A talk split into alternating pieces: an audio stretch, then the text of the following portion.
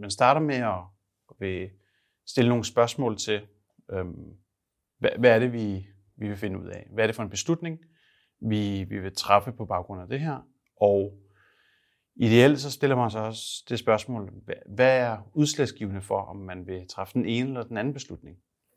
Øhm, og, og det kan ligesom guide den analyse, man så vil lave, øhm, og forsøge at, at, at belyse øh, med dataen øhm, området på forskellige vinkler. Vi visualiserer vores data på, på mange forskellige måder, og igen så handler det også om, hvilke spørgsmål og hvilke beslutninger der er, vi vil træffe.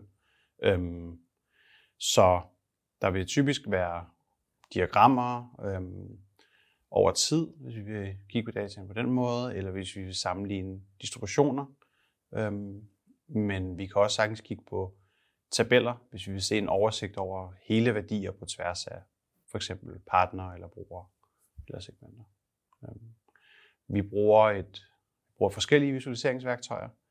Vi har vores normale øhm, BI-rapporteringsværktøj, øh, visualiseringsværktøj, Looker, som alle ansatte har adgang til øh, hos Too Good To Go, og kan se den generelle øh, performance af, af, hvordan det går i virksomheden operationelt. Og så har vi mere specialiserede værktøjer til for eksempel produktudvikling, øhm, så alle i vores produktteams, både udviklere, produktchefer, analytikere, har adgang til at kan kigge på, og de, der kan de dykke lidt mere ned i specifikke handlinger og mønstre.